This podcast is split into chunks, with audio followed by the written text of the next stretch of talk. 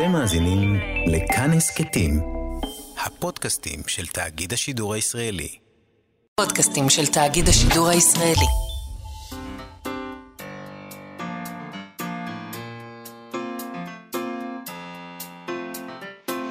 מה שכרוך עם יובל אביבי ומה יעשה לה.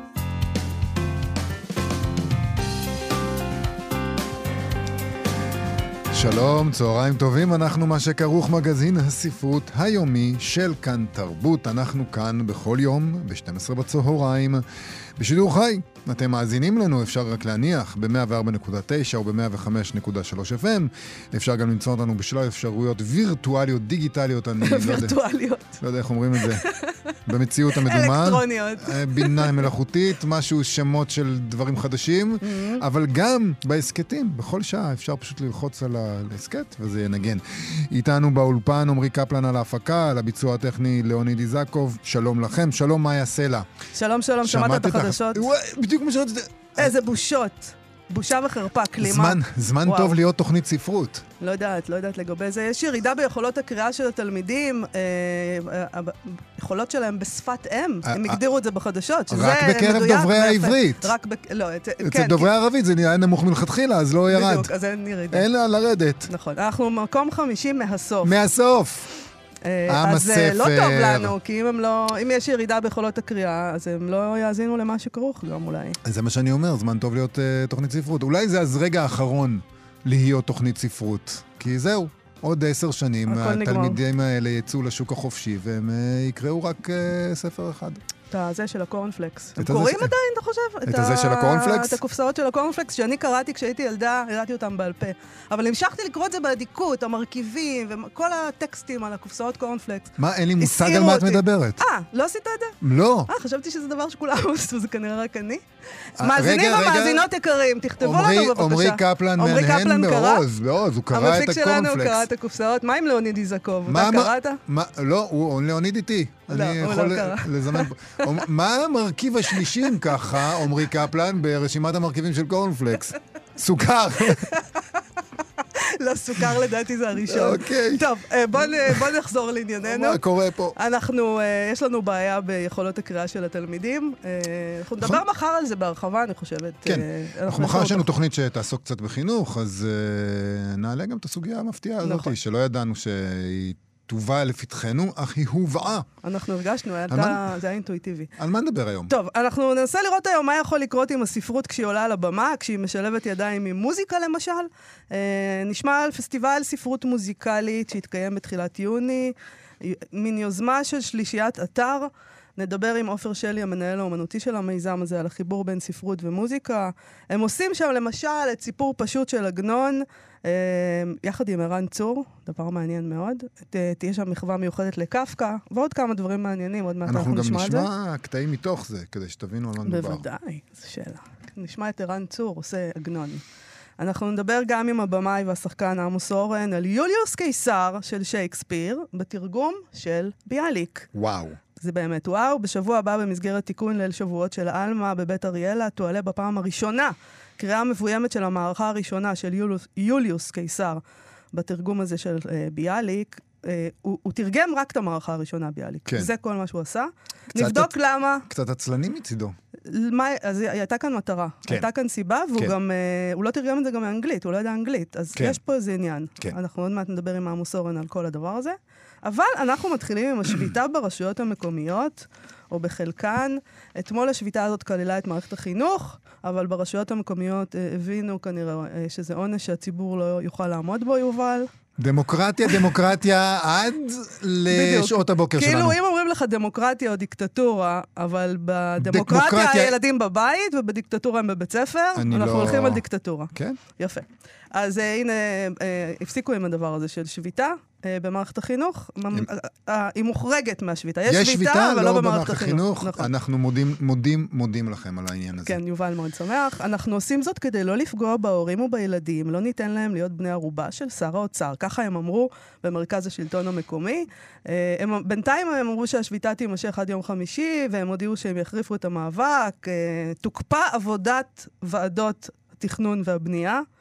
לא יינתנו היתרי בנייה, אה, יקפיאו את הסכמי אה, גג באזורי הביקוש, כל מיני דברים. אני לא יודע מה זה לא אומר. יודעת מה זה אומר, כל מיני דברים שכנראה מה זה אומרים הסכמי משהו. גג אין לי באזורי מושג. ביקוש? זה משהו כאילו שהאזרחים צריכים, וממילא הם בטח מחכים בתורים, ועכשיו הם יצטרכו לחכות עוד.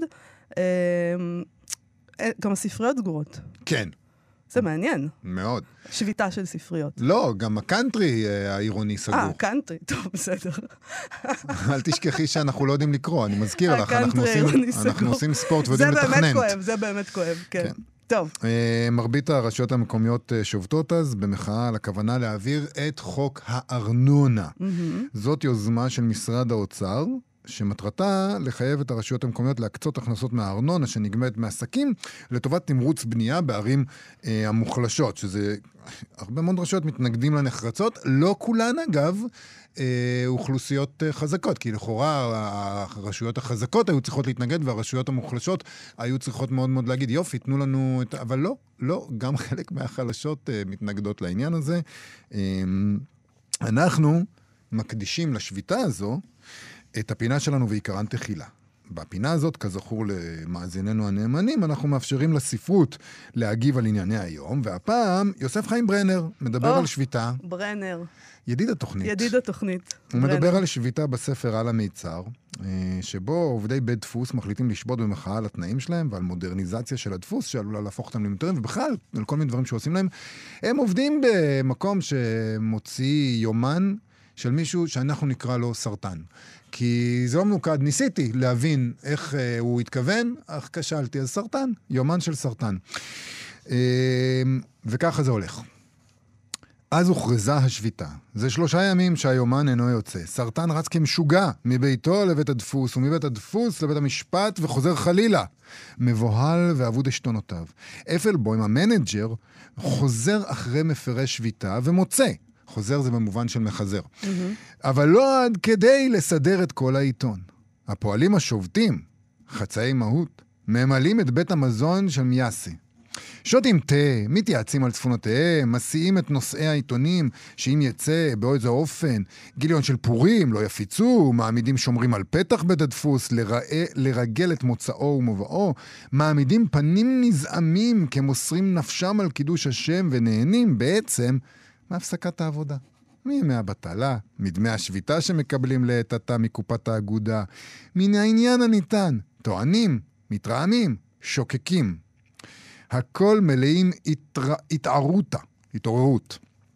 דעת הקהל שמיאסה ובא כוחה שלטת. מי שאין דעתו נוחה אינו מדבר בגילוי לב, בגילוי דעת, סליחה, אלא ברמזים, בגמגום. ואז יש לנו פה דיאלוג ככה בין הפועלים. מה יהיה הסוף? רע. הימלא את כל דרישותינו? בוודאי ימלא. הלוואי היה ממלא את החצי. ירבנו לדרוש. מה? הרביתם לדרוש? כיצד הרביתם לדרוש? חמש דרישות, ירבו לדרוש. מהן הדרישות? הדרישות הן א', דרישת הדלגציה שיודיעו שלושה חודשים מראש. ב', שהמסדר החדש יוסר ממקומו לאלתר. שעות העבודה כמקודם, משמונה עד שבע. שים לב, משמונה עד שבע זה הדרישה שלהם. 11 שעות עבודה הם דורשים. הם אומרים, עבדו כמו מספיק עם, עבדים. ה- הם מספיק עם השעות המיותרות כן. מעבר ל-11 שעות כן, ביום. כן. ד', התנהגות טובה, ה', השבת נזקי הבטל. זה הרבה. עכשיו תני לי להגיד לך שלדעתי, זה אמנם ספר פרוזה, אבל אה, לדעתי לברנר היה פה אה, רצון להגיד באמת מה הדרישות. סידר את זה ככה. כן, זה מסודר עם הסעיפים, מסודר עם יפה. הסעיפים, יפה, הוא ניסה להעביר פה מסר. טוב, ממשיכים את הדיאלוג. אם נאבד את השביתה, אז יודע אני אשמת מי הייתה. שומר אחד משלנו הוכה על ידי שוטר. מובן, גם השוטרים הם על צידו. אבל הראיתם את הפרוקלמציה שלנו? טלר יודע לכתוב, פרעה מלך מצרים בלונדון. אבל אומרים שסרטן יתבע לדין את האגודה שלנו. אסור לכתוב כן. גם הם הוציאו פרוקלמציה, מעשה ימי ידי קטלנסקי. מתנצלים על שלא קיבלו את הדלגציה. אמנם במקצת צדקו, ליידי אחת באוטומוביל המתינה לסרטן על יד, על יד השער, בשעה שבאו שלנו אליו. ליידי באוטומוביל, תשקע האדמה אה, הליידי עם האוטומוביל גם יחדיו. כשפועלים שולחים דלגציה, מחויב הוא לקבל אותה ולא להשגיח בליידיות. ודאי אהובתו בת הלורד הייתה באוטומוביל. לא אוטומוביל היה כי אם מרכבה מרקדה. ואני אומר אוטומוביל. בפרוקלמציה שלהם כתוב אוטומוביל, אבל מי יודע את האמת? עכשיו ידע המשוגע לרוץ ולצעוק, אני בעל הבית כאן. יד מי על העליונה לא ידוע עוד. מי יודע לא, אם לא יימצאו עוד מפרי שביתה. כאן זה נכנס... כאן זה נכנס. מה קורה מפרי למפרי שביתה. שביתה? Mm. אז הנה. כן. מה? מפרי שביתה? אתם כלום אינכם יודעים מה עושים למפרי שביתה? ראיתם את הלוויה שהייתה לפני ימים אחדים ברחוב זה? זו הייתה הלוויה של הריס החייט, שקיבל סטירת לחי הגונה בשעת שביתת החייט... החייטים הכללית. הריס, מה אתה עושה? למה אתה הולך לעבוד? שאלתי אותו אז. ילדיי הקטנים אינם צריכים לרעוב, הוא עונה לי. נו, אתה כבר לא ידאג למו. אל תדאגו להם גם אתם, רעבים הם כראוי. מבינים אתם? סתרוהו פעם אחת, חלק החצי שנה, ומת. כך עושים למפרי שביתה. ואתם, מה? המסדר החדש אינו עובד? פה איני רואהו. הוא היה עובד מסתמא, אלמלא היה ירא. אבל שטק... שטקטורוב אומר כי יהרוג את כל מה שיהין להפר השביתה. מנוחין אינו ירא את שטקטורוב. הוא אינו עובד מפני שלא אכפת לו לבלי לעבוד ימים אחדים. הלא על כן הוא מפחית מעבודתו שעה אחת בכל יום גם בלאו, אחי. אבל הוא אומר בפירוש, מבלי כל יראה, כי שטן צדק. בעל הבית שלנו אומר, אמנם לא היה צריך להרים ולכסות על זה שהוא מכניס את מכונת הסידור, אבל בשביתה זו צדק. בפני שטקטורוב לא יאמר זאת. מכת לחי היא מחלה מדבקת. האין זאת. הראיתם כיצד קיבל את בעל הדלגציה שלנו בשובו רועד ואומר כי הוא ילך לעבוד, כי כאשר עבדנו, עבדנו. עוד מעט וכל שיניו היו נושרות מפיו. הכל רק בשביל איזו מעילה מצידנו תוכל השביתה ללכת לאיבוד. לדעתי צריך לז... לפנות לעזרה לאגודה הכללית, האנגלית. אם היא תעמוד על צידנו, אז נצליח. אז נכנס טלר, ניגש מתוך חבורה אחרת. עניין סרטן נכבדיי בשביל אגודתנו, הוא שאלת החיים והמוות. To be or not to be, כמו שאומר האנגלי. או הוא, או אנחנו. הוא מתחיל את תובענו לדין, וזה לא טוב. חבר יעקובסון אומר, נפנה לאגודה האנגלית, אבל עלינו לבלי לשכוח, נכבדיי. האגודה האנגלית אינה אלא סינדיקט, ולא אגודת פועלים רבולוציונית, ולנו אסור לבצוע פשרות. חס ושלום. דעקה שקופת אגודתנו ריקה, חברים. ומעתה רק שש פנות ליום יוכל כל אחד מאיתנו לקבל דמי שביתה. ובשש פנות אי אפשר לחיות. בייחוד מי שהוא בעל משפחה.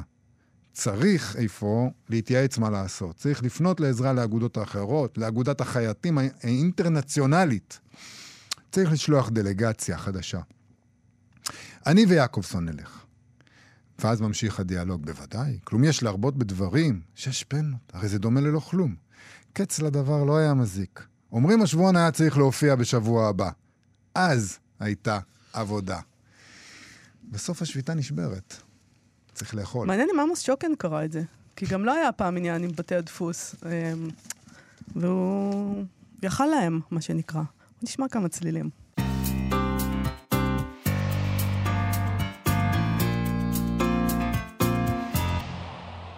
דוד אבידן, חווה אלברשטיין. דוד אבידן עוד יחזור בעוד אלפיים שנה. אנחנו מה שכרוך בכאן תרבות, אנחנו כאן עכשיו. ב-1 ביוני פתח, זו הפעם השנייה, פסטיבל ספרות מוזיקלית עם שלישיית אתר ואורחים בניהולו האומנותי של הפסנתרן עופר שלי, בשיתוף עם עמותת פליציה בלומנטל. הסתכלנו לגבי הדבר הזה, ספרות מוזיקלית, זה תפס אותנו, נכון יובל? מאוד. אה, איך הופכים, איך הופכים ספרות למוזיקלית, ובשביל מה? למשל, את סיפור פשוט, פשוט של עגנון, איך מלחינים, או איזה מוזיקה שמים שם, אה, ומה קורה עם קפקא, מה עושים עם קפקא. אז אנחנו הצענו לבדוק. שלום לפסנתרן ולמנהל האומנותי של הפסטיבל, עופר שלי. שלום לכם, בוקר, בוקר טוב, צהריים טובים. צהריים טובים, עופר. אה, למה החלטתם, מאיפה הגעת לדבר הזה, ספרות מוזיקלית? אמ, למעשה, את הקונספט הבסיסי הזה אה, לא המצאנו לגמרי. אה, זה קיים בהיסטוריה של המוזיקה, למשל ביצירה סיפורו של חייל של סטרווינסקי. שם יש קריין שהוא אחד הנגנים בתזמורת. אה, את החיבור הראשון אה, עשינו אה, בשיתוף עם יונתן צ'רצ'י, עם השחקן יונתן צ'רצ'י. אה, שבדיוק עשה תפקיד בתיאטרון חיפה בסיפור פשוט. וחיפשתי, חיפשתי איזשהו חיבור כזה לתחומי במה שונים. והגענו לדבר הזה של ספרות מוזיקלית, והשאר היסטוריה, כי המופע הזה שיצרנו, סיפור פשוט, הפך להצלחה גדולה, לשמחתי. ויש לו איזה קונספט שחזרנו עליו אחר כך בהמשך במופעים נוספים, שהוא בעיניי ז'אנר בפני עצמו, ז'אנר בימתי בשם ספרות מוזיקלית. איך אתם בוחרים את היצירות? זאת אומרת, האם כל יצירה יכולה להיכנס לתוך הדבר הזה, או שלוקחים דווקא את אלה שנראות שהן בלתי אפשריות להלחנה, או איך או עושים? את אלה שהן אפשריות, יובל, ומוזיקליות. לא, הם רוצים אתגר. הם אומרים לעצמם, מה, קפקא, את מתארת לעצמך את קפקא מולחן. אתה אומר לעצמך, זה מישהו שאמר לעצמו, אני לא אקח את המובן מאליו, אבל לא ראיתי את אקח את הקל. קפקא של רועי רוזן, אה, נכון. אתה יודע, באנימציה, אז... אה, אז למה לא? כן. אז הנה, יש לי רעיון, ל... יש לי רעיון ל... לכותרת משנה לפסטיבל הזה. אה, חשבתי על וריאציות על נושא של ספרות ומוזיקה. אה, כי למה ששאלת יש כל מיני תשובות, וזה בעצם סוג של, זה מעבדת ניסוי הדבר הזה, וזה מה שכיף. אה, כיוון שבמופע של עגנון למשל זה פסקול מוזיקלי שהוא קולאז' שתפרתי מכל מיני יצירות. אה, ביצירה שעשינו על אה, אה, טקסט של יואל הופמן, צריך להשתיק את המוזות עם ערן צור. זאת יצירה שהזמנו ממלחין, אריק שפירא, שהלחין אותה מההתחלה עד הסוף, כשהקריין הוא עוד, עוד נגן. וכל מופע כזה מקבל איזה שהם יחסים אחרים בין הטקסט למוזיקה ו- ו- ונותן משהו רב-מימדי. זה מה שאני אוהב בדבר הזה. אני חושב שחלק מהקסם בשביל הקהל זה שקודם כל עומד שם קריין, אה, שחקן, שמספר סיפור. מי לא אוהב שמספרים לו סיפור? כן. אז, אה, ו- וגם אני רוצה להגיד שמכיוון שאנחנו כעת בתוכנית רדיו, אה, אז לאורך השנים ככה שהעמקנו בדבר הזה, אני חושב שזה מזכיר לי קצת את התסקיטי רדיו שהיו פעם.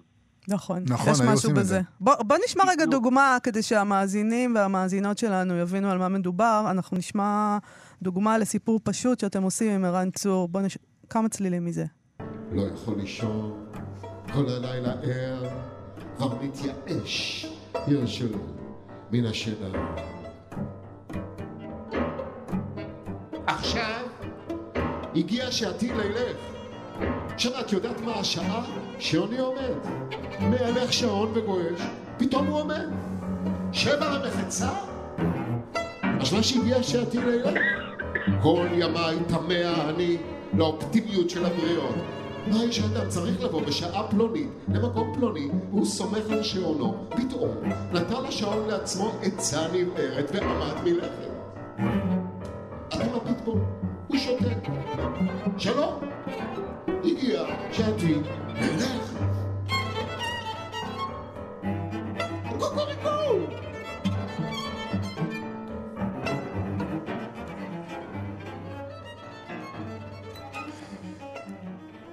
צריך להגיד שזה אחד, נגיד, משני קטעים ששלחתם לנו לשמוע, וזה קטע של שיגעון, ו- ו- וגם המוזיקה. מה, ערן צור גם ממש שחקן פה. כן, הוא ממש משחק, והוא גם לוקח את זה, הוא גם לוקח את זה לקצה המוזיקלי שמתאים לטקסט, ויש קטע אחר שהוא הרבה יותר רגוע ושלב, וזה, זאת אומרת, יש... גם בתוך היצירה עצמה, אתם מטפלים בזה אחרת, אה, מוזיקלית, ביצירה. אה, ממש, אני חושב שזה זה גם, אה, זה גם סוד החיבור עם, עם ערן צור, שכבר עשינו איתו כמה וכמה אה, מופעים שונים כאלה, אה, שהוא איש ספרות ושירה וגם מוזיקאי. זאת אומרת, הוא יודע, הוא יודע לקפץ בין שני הדברים האלה ולהגיש את זה כמוזיקאי. אה, ובכלל, אם דיברנו על תסקיטי רדיו, אז חשוב לי להגיד ש, שפה הדברים קורים בלייב. ומהצד של מוזיקה, אנחנו הרכב קאמרי, פסנתר, כינור וצ'לו. ובביצוע חי של מוזיקה קאמרית, הדובדבן הוא, הוא הדיאלוג בין הכלים בזמן אמת. אין שני ביצועים דומים זה לזה. איך שהכנרת תנגן, הפסנתרן יענה לה בזמן אמת. ואיך שערן צור יקרא משפט מסוים, אנחנו נענה לו בהבעה ספציפית ש- שתואמת את מה שהוא עשה, וזה הופך את זה לבאמת אה, משהו חי ומאוד מיוחד. תגיד, עופר, זה לא קשור, אני חייבת לשאול אותך, לפסנתרנים יש אה, פחד במה? אתה עולה נגיד כל פעם ואתה אומר, ואתה, זה כמו, כמו עם שחקנים? יש להם פחד במה? אני אצט- אצטט לך את המורה שלי, אה, עליו השלום, פרופסור בנימין אורן. אה, שהיה אומר לנו כתלמידים ש- צעירים שקצת פחדו ממנו, הוא אומר, אם אתה חושב ומרוכז בכל מה שיש לך לעשות ברגע הזה של ההופעה, לא יהיה לך זמן להתרגש. אוקיי. השאלה- אם- זה עובד, כן, זה טוב... אה, הנה, זה עובד. בשבילו. כנראה שזה עובד. אז אה, אז בוא- תראי. בוא- בוא נדבר רגע על קפקא, כי גם זה מעניין. מה אתם עושים שם? מה מה נעשה שם בפרויקט של קפקא?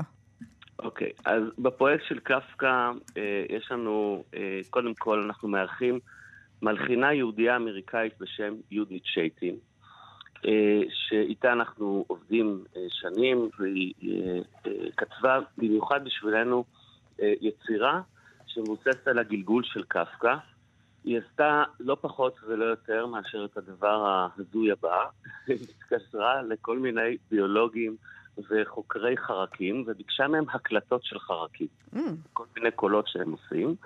שילבה את זה בתוך פס הקול של היצירה, והתוצאה היא משהו באמת אה, יוצא דופן. אז זה בחלק הראשון של הערב. אה, בחלק השני אה, ביקשנו מהמשוררת חמוטל בר יוסף שתכתוב עיבוד לגלגול, כמובן שלא ניתן להגיש את כל אורך הסיפור הזה, אז היא כתבה לנו גרסה מקוצרת. וזה יוגש עם, בפינג פונג בין קטעי מוזיקה וקריינות של ערן צור. אה, ובגדול כל הערב הזה מוקדש לגלגול, גם כתופעה תרבותית כמובן. זאת אומרת, זה, זה כבר חרג הרבה, זה הרבה מעבר לכתיבה של קפקא, זה באמת איזושהי יצירה ש, אה, שקיבלה מעמד איקוני אה, מאוד, אה, מאוד, מאוד מיוחד. וזה בשבילנו ממש מופע בכורה של התוכנית הזאת בפסטיבל ספרות מוזיקלית. אתה יודע, הרבה פעמים טהרנים של ספרות, אה, נגיד כשמדברים על עיבודים אה, למסך, לטלוויזיה ולקולנוע, טהרנים של ספרות אה, קצת מתנגדים, הם אומרים אה, שכל דבר כזה, כל עיבוד כזה הוא פרשנות, וזו פרשנות מקבעת. אתה לא, הדוגמה היא תמיד, אתה לא יכול יותר לדמיין את גנדלף כמו שאתה רוצה, אחרי ש... אחרי uh, העיבוד למסך הגדול של uh, שר הטבעות. זהו, גנדלף נראה עכשיו כמו גנדלף של, uh, של הסרט. אתה מרגיש שזה נכון לגבי פרשנות מוזיקלית, לגבי עיבוד מוזיקלי כמו שאתם עושים? זה, זה, זה בסדר גמור, וזה לא שונה מאשר משהו שמישהו יגיד על האופן שבו אני מגיש סונטה של מוצרט. ובדבר הזה אני, יש לי תשובה אחת. אנ- אנחנו כמבצעים על הבמה, תפקידנו לשכנע. ולעולם אין מצב שהקהל טועה ואנחנו צודקים. לעולם לא. כלומר, אם לא סחפתי את הקהל לתוך הפרשנות שלי, אם לא שכנעתי אותם בהצדקה שלה, אז אני צריך לחזור הביתה ו- ולבדוק למה, מה, מה, מה אני עושה לא בסדר. התפקיד שלנו לשכנע, אה, אני חושב, אם אני מתייחס לעגנון, לקפקא אני לא יכול כי זה מופע חדש, אבל אני מתייחס לעגנון, שהוא היה כבר מעל עשור. פשוט ככה, ממש על הבמות, באיזשהו שלב התעייפנו ממנו טיפה, והקהל לא נתן לנו להוריד את זה מהבמה. אה, אז אני חושב שיש שם משהו ש... שעובד ומשכנע, ו... וגם למי שבקיא בסיפור, למי שבקיא בטקסטים העגנוניים, זה נותן פשוט מימד, מימד נוסף, שלא גורע כלום אה, מהתוקף של היצירה המקורית. כן, זה נשמע מעניין. זה נשמע סוחף. הזאת עם החרקים. עם החרקים, אה, בדיוק. צריך לבוא לראות את זה. טוב, זה בוא נראה. נגיד שזה נפתח ב-1 ביוני, זה קורה בתל אביב, נכון? יש עוד, עוד כמובן, אה, עוד- יהיו שם עוד מופעים. אני רואה שיהיה יוסי צברי, שאני מאוד אוהבת, עם אסף רוט ועוד כל מיני דברים. אה, יש את התוכניה המלאה בפייסבוק, נכון? בדיוק. עופר אה, שלי. גם בפייסבוק אה, רושמים שלישיית אתר בגוגל, זה הכי פשוט, אתר טריו, מגיעים לאתר שלנו ושם יש את כל התוכנית המלאה. אה, אני רק אציין ברשותכם אה, אה, עוד תוכנית מאוד מעניינת שתהיה בפסטיבל, שהיא התחילה ביוזמה של איגוד הסופרות והסופרים העבריים בתל אביב. Mm, הנה אמרתי את זה מדויק. כן, זה לא שינו- פשוט. הם שינו את נכון, השם. כן. וזה איגוד הסופרות והסופרים. זה, הייתה, זה התחיל כיוזמה שלהם, ואנחנו לקחנו את זה משם והמשכנו, וזה מופע שלם על שירים של ביאליק שהלחינו אותם מחדש. פנינו לכל מיני מלחינים, אלכס וסרמן, אהרון חרלפ, יוסף ברדנשווילי, ערן אלבר, אה, ציפי פליישר, אה, ועוד, אה, שילחינו מחדש את השירים, ואנחנו מגישים את זה עם זמרת סופרה נהדרת, טלי קצף, מחווה לביאליק. עופר שלי, שירי ביאליק בלבוש חדש. תודה נפלא. רבה לך על השיחה הזאת, בהצלחה. תודה רבה. בכיף, תודה לכם. תודה להתראות. לכם.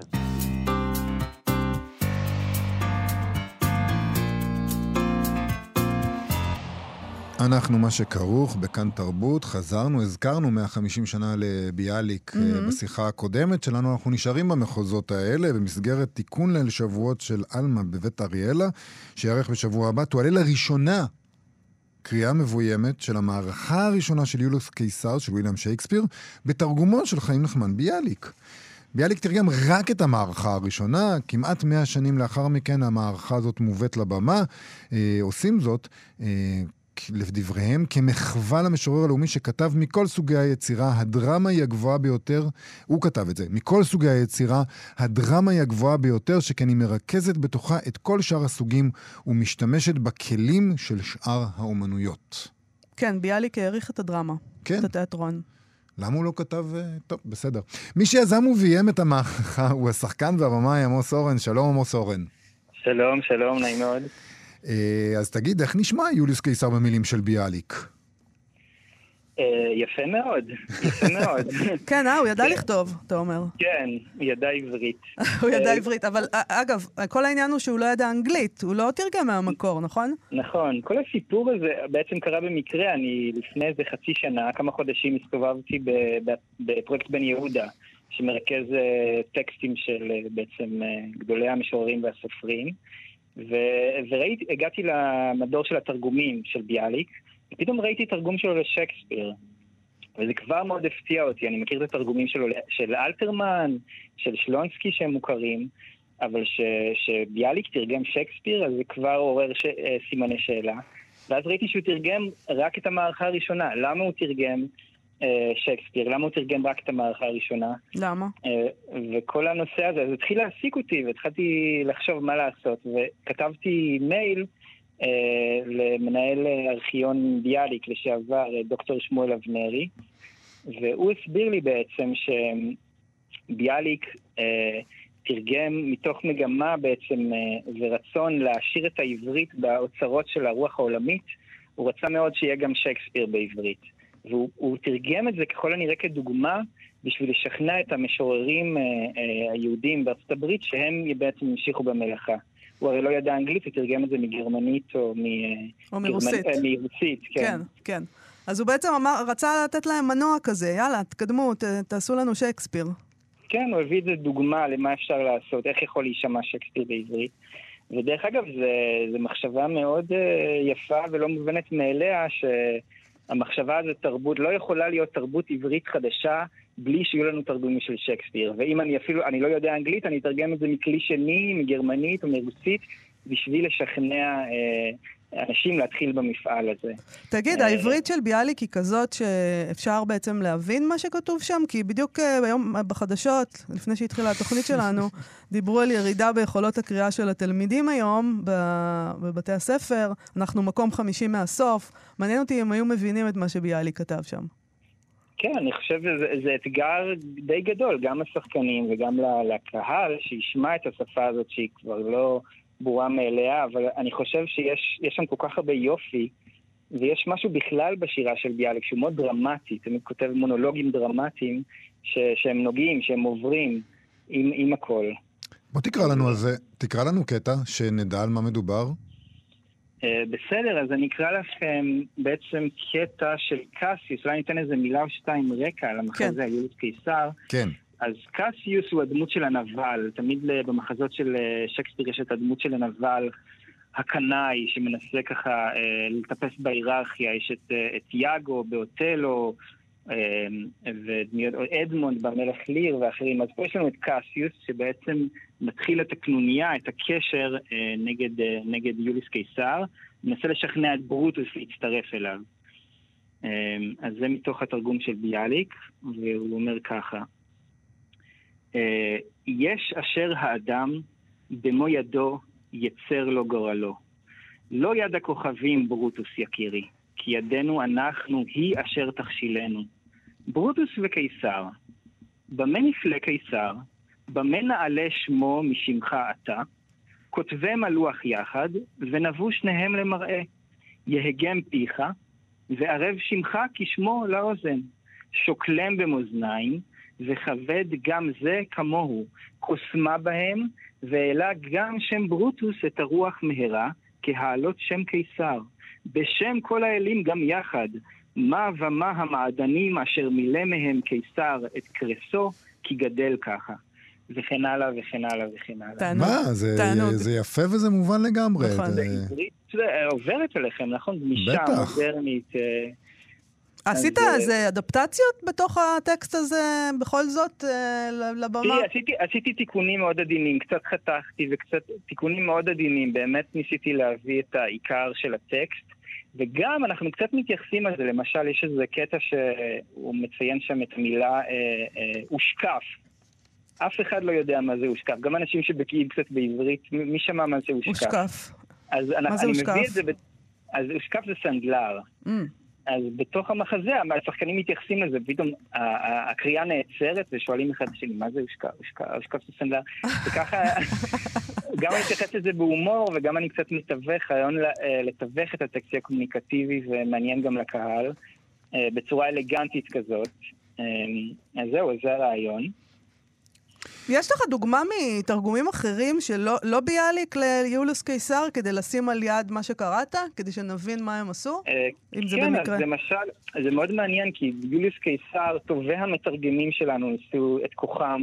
יש לנו את, אה, אז ביאליק שתרגם רק את המערכה הראשונה, ואלתרמן וויזילטיר, יש לי פה את אלתרמן, אולי אני אנסה למצוא את אותו הקטע. מעניין אה. אבל שהמשוררים הגדולים האלה, ביאליק, אלתרמן, ויזלטיר, הם הלכו על שייקספיר, על יוליוס קיסר. כן, יש משהו ב...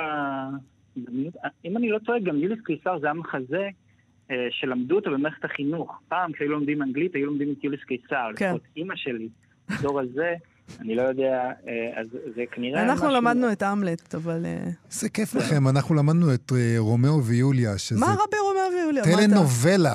זה. מה שזה. שייקספיר זה שייקספיר. תשמע, המלט היה יפה ללמוד. אני בטוח. נהניתי. כן. אני זוכר שהיפים שלו שקראנו בתיכון היו יותר הסערה וחלום ליל קיץ, אבל אנחנו תמיד לוקחים אותנו לטרגדיות האלה ולכל המוות. טרגדיות זה הכי מעניין, יובל, אם לא הבנת. מה, אתה רוצה קומדיות?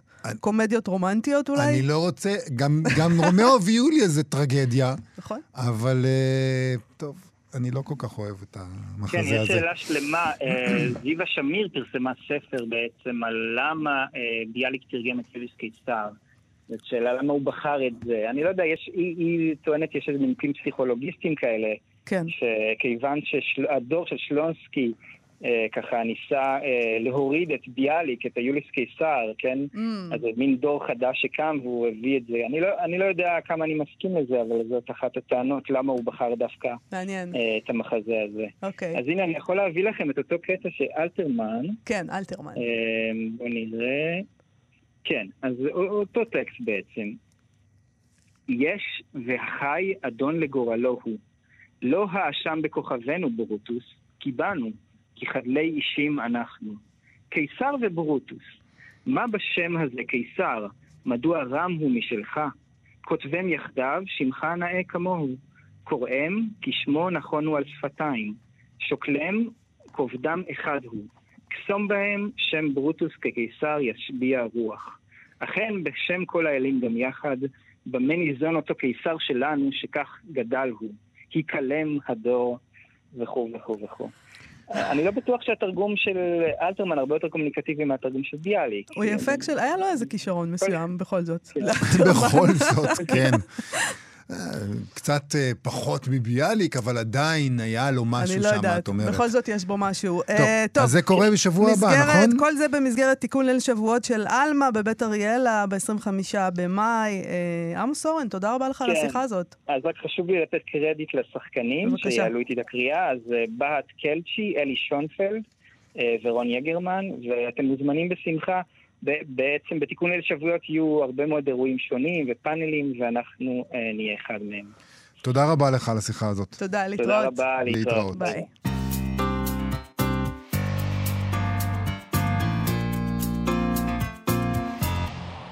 מה שכרוך בכאן תרבות, חזרנו, דיברנו גבוהה גבוהה, כן? ביאליק, שייקספיר. קפקא, שייקספיר. Mm-hmm. בואי ננמיך. כן, בוא נחזור למציאות, התמהיל. למה שאנחנו באמת. התמ- כן, בדיוק. נחזור למחוזות שהם קצת יותר מדברים אלינו. אוקיי. פינת החדשות המטומטמות של הספרות. מותר להגיד דברים כאלה? כן. לא יודע. למה, אתה לא רוצה להעליב את המטומטמים? וואו. אני לא יודע, נראה לי שזה מעליב את המטומטמים הדבר הזה. אה, איך ספר הופך לרב-מכר בארצות הברית. ספר שטרם פורסם גם, הוא עוד לא יצא לאור. הוא מכירות מוקדמות כל העסק הזה. הספר הזה נקרא, אני לא יודע מה זה אומר בכלל, 4C Untitled Flatteron Non-Fiction Summer 2023. זה ספר? אם לא הבנתם, זה בגלל שזה לא ברור, פשוט. לא ברור. כן, זה ספר על להקת פופ קוריאנית. אוקיי. הוא לא פורסם עדיין, אבל הוא ללא שום סיבה נראית לעין, התחיל, התחיל פתאום, להפתעת כולם, לטפס במעלה רשימות רבי המכר של אמזון במכירות המוקדמות. הם מאפשרים את זה, זה ידוע, המכירות המוקדמות זה נהיה כבר כלי שיווקי אתה כזה. מזמין ומשלם, ואז מחכה שזה יצא, ואז שולחים כן, לך את זה. בסדר, וגם. ו- וגם אה, מפרסמים את זה, כי, כי זה, זה מניע את עצמו כבר עם, עם זה. ולמה? למה הוא נמכר? כן. בגלל המעריצים של טיילור סוויפט. נכון, וזה כל מה שצריך לפעמים. אה, אתה רק צריך להפיץ איזו שמועה שטיילור סוויפט מעורבת, ומיד הם יוצאים לפעולה, הסוויפטים. ככה הם נקראים. אה, ככה מסתבר שהם נקראים, ויש הרבה מהם, אני מרגישה כמו חיים יבין כרגע. בכל אופן, אז בסיס המעריצים הנאמן של טיילור סוויפט השתכנע שהיא בעצם, ה... היא המחברת של הספר הזה, אה, לא עזרו ההכחשות. אגב, אולי זה פשוט נכון. אני לא זה? חושב. לא יודעת. אה, הם רצו להזמין את הספר במכירות המוקדמות והפכו אותו לרב-מכר עוד לפני שהוא יצא. אה, הט- הטענה היא שזה לא היא כתבה כמובן, אה, אבל הם ממשיכים. כן. ויכול להיות שזה אקט יחצני וזה כן היא. למה אתה כל כך בטוח שלא? אה, למה הם חושבים שזה שהיא כתבה? אוקיי. או, הם חושבים. שהיא כתבה את זה בגלל שלל עדויות צולבות, שבינן לבין הספר אין שום קשר. הם מצאו את המספר 13, מאוד חשוב להם המספר 13 לסוויפטים, כי טיילור סוויפט מסתבר נולדה ב-13 בדצמבר. אז כמובן, כל אחד יודע את זה. אתה, נו, אני חיפשתי בוויקיפדיה. אוקיי.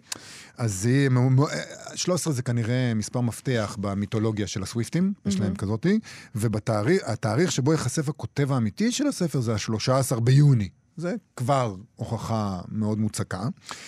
אמ, גם כשמחברים את הספרות שמרכיבות את מספר עמודי הספר, שזה 544 עמודים, יוצא 13, 5 ועוד 4 ועוד 4 זה 13, אז כבר, כאילו, איך אפשר להתעלם מהסימנים האלה, מאיה? תאריך יציאת הספר, תשעה ביולי, נמצא במילות השיר נשיקה האחרונה של טיילור סוויפט. אני לא התעצלתי, אני חיפשתי את מילות השיר באנגלית ואף תרגמתי שורה.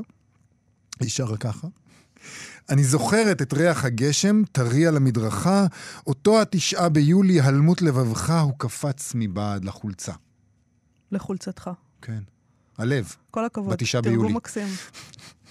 מרגש. אה, אני חושב שמדובר בו בצביר הוכחות שלא ניתן להפריך, ועוד הוכחה היא העובדה שסוויפט הכריזה לאחרונה על יציאת אלבומה החדש באינסטגרם, והיא במקום להגיד מאזינים יקרים, או מעריצים יקרים, או חברים יקרים, היא קראה, היא אמרה, קוראים יקרים. אז זהו. טוב, אה, השטות הזאת כמובן שווה הרבה כסף. אה, יש איזה בעלים למשל של איזה חנות ספרים עצמאית, ש... עצמאים שזיהה את האירוע ב... בתחילתו. הוא מיהר לטיקטוק של החנות שלו, הוא פרסם שם סרטון על זה, הוא פתח אפשרות למכירה מוקדמת של הספר, הוא מכר 600 עותקים ביום מהשטות הזאת. זאת אומרת, אולי זה לא שטות, אולי זה פשוט ספר גאוני. אה, אחר כך זה נפסק, אה, הוא הפסיק את המכירה המוקדמת כי הוא פשוט לא עמד בביקוש. אה, וההוצאה אחר כך גם ביקשה ממנו להוריד את הסרטון מהטיקטוק, והוא נענה. בסופו של דבר הוא נאלץ לבטל מכירות בשווי של 25 אלף דולרים. חבל בשבילו. אה, אבל יש מי שמרוויח את הכסף הזה במקומו. כן. אל דאגה. באמזון למשל לא הפסיקו את המכירה אני המוקדמת. בכלל לא אתפלא אם כן? זה כן ספר שכתבה טיילור סוויפט, וזה כל הדבר הזה, זה אקט כזה של? יחסי ציבור. למה? למה- למה ההוצאה? לא, למה ההוצאה ביקשה ממנו להפסיק את המכירה המוקדמת? אולי זה שיתוף פעולה עם אמזון ספציפית? כן, מה אתה, מה אתה כל כך מופתע? כאילו. אני מופתע מכל כך הרבה דברים אני כאן. בכלל לא אהיה מופתעת אם זה, אם טיילור סוויפט מארגנת את כל הדבר הזה. אני- אם היא מאוד מארגנת... ערמומית, הבחורה הזאת. מאוד ערמומית. בואי אה, נתקדם. בואי נתקדם. אנחנו נסיים עם הסטטוס הספרותי שלנו. אתמול חגגה הסופרת רות אלמוג יום הולדת 87. מזל טוב. ספריית בית אריאלה ציינה את זה בסטטוס, ובו היא הביאה טקסט של אה, אלמוג, מתוך הספר "מאין אכלתי את שירי". סופרים ומשוררים מדברים על מקורות השראה. ערכה את זה רות קרטון בלום, זה יצא ביציאת, בהוצאת ידיעות ספרים, נקרא אה, את הקטע. כן. בקופסת הזיכרון של כל אדם יש ספרייה. לפעמים נדמה לי כי ככל שממעיט אדם לחיות את חיי המעשה, כך הוא מרבה לחיות מחוץ להם, בספרים.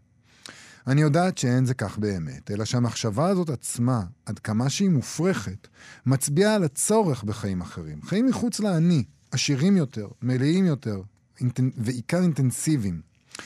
יש בינינו כאלה שדרושה להם אינטנסיביות כסם חיים. התרגשויות חזקות ודחופות, דרמה, טרגדיה, אהבות גדולות, נדודים, חוויות חזקות ומתחדשות, ייאוש, מוות, תחייה. בחיים כאלה יום אינו דומה למשנהו. חיים כאלה איש כמעט אינו זוכה בהם, שהרי לכודים אנו במלכודת שעל פי רוב אין לה פתחי מילוט. תא כלא שמעצים את געגוענו לחיים אחרים. המתגעגעים מחפשים את האינטנסיביות, בין השאר בספרים. כי בספרים קל יותר למצוא אותם מאשר בחיים שחורגים מעצמם. כמו במסעות שכרוכים בהם מאמץ וממון, כמו בהתאהבויות המאיימות על שלמות האישיות. הם משתעשעים בדמיונות על היעלמות מן המסגרת שהם חיים בה ועל מעבר לעולם אחר. מין מטמורפוזה, כמו בהגלגול של קפקא. חזרנו אל הגלגול של קפקא. ראית איזה יופי? נכון. לעולם לא אשכח את התענוג של בקרי השבת. בקרי השבת. אמי מאחרת בשינה, אבי בבית הכנסת, ואני קוראת במיטה. שקט ושלווה שפוכים על העולם. הווילונות מאפללים את החדר הקטן, אבל יש די אור כדי לקרוא ואולי לסיים עוד ספר. אף פעם לא אהבתי לגמור ספרים. תמיד רציתי שיימשכו לנצח, כי הלא הם היו החיים האמיתיים. אהבת? יפה מאוד. מאוד. כן. אבל אם אפשר לא, לא, לא הגלגול של קפקא. אם אפשר התרגשויות אחרות, כי נראה לי די... אה, גם, למה? מה, גם לא- הגלגול של קפקא. להפך. זה לא רק הגלגול של קפקא. זה נורא מפחיד. אבל זה גם משהו, לפחד. לפחד? להיות בחוויה הזאת, בטח. אה, גם מומלץ לחיות באמת, אתה יודע, אבל זה כנראה לא כל אחד יכול. אה, בכל אופן, ברכות חמות, לבביות, לרות אלמוג. נכון. עד כאן תוכנית שלנו להיום. תודה רבה לעמרי קפלן ולאוניד איזקוב שעשו איתנו את התוכנית הזאת. אנחנו נהיה פה שוב מחר, בואו לעמוד הפייסבוק שלנו, מי יודע מה אנחנו נעלה שם היום. טירוף. להתראות. להתראות. אתן מאזינות ואתם מאזינים לכאן הסכתים. כאן הסכתים, הפודקאסטים של תאגיד השידור הישראלי. אתם מאזינים לכאן הסכתים, הפודקאסטים של תאגיד השידור הישראלי.